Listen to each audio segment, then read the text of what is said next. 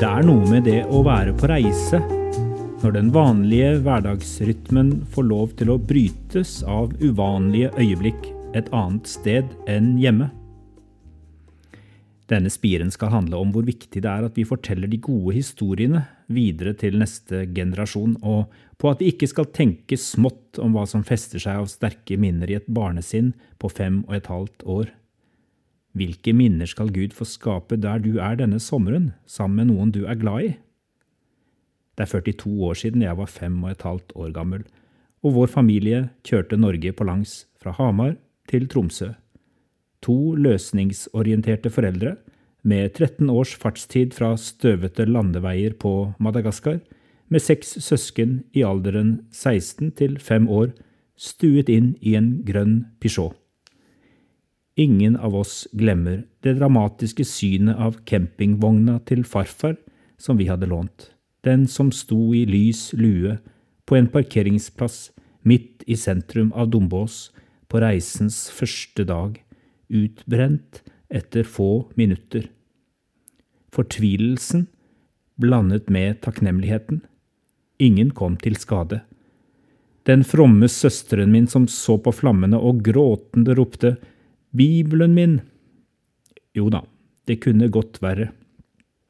Den påfølgende natta, da vi andre sov på en campinghytte mens pappa og mine to storebrødre kjørte tilbake til Hamar og hentet husteltet. De neste dagene da vi slo opp teltet i hagene hos vennlige misjonsvenner. Det skulle vise seg at de fantes i hopetall langs reiseruten nordover. På 70-tallet hadde store deler av Norges befolkning et nærmere forhold til Antsirabe, Mangarano og Antananarivo enn til sitt eget nabolag. Den morsomste overnattingen var da vi satte opp teltet inne på en låve. Det regnet så mye den kvelden at husfolket ikke syntes vi kunne overnatte i hagen. Jeg husker sjokket da faren min en dag beordret mine to storebrødre ut av bilen. Det var noe med erting av søstrene og uønskede kroppslyder og lukter, og jeg husker lettelsen da han snudde bilen etter noen minutter, kjørte tilbake og plukket dem opp igjen. Jeg husker Polarsirkelen, samemarkedet langs veien og Ishavskatedralen. Nest best husker jeg kanoturen på leirstedet utenfor Bodø, da jeg trodde jeg druknet. Faren min skulle gå opp i kanoen etter meg, men glemte sitt eget påbud om aldri å stå i en kano. Jeg husker det faste grepet hans, og redningen etter det som føltes som 30 minutter under vann, som visstnok bare skal ha vært tre sekunder. Hvilket øyeblikk jeg husker aller best fra den sommeren? Jo, det var den dagen da jeg lærte meg å knytte skolissene helt alene.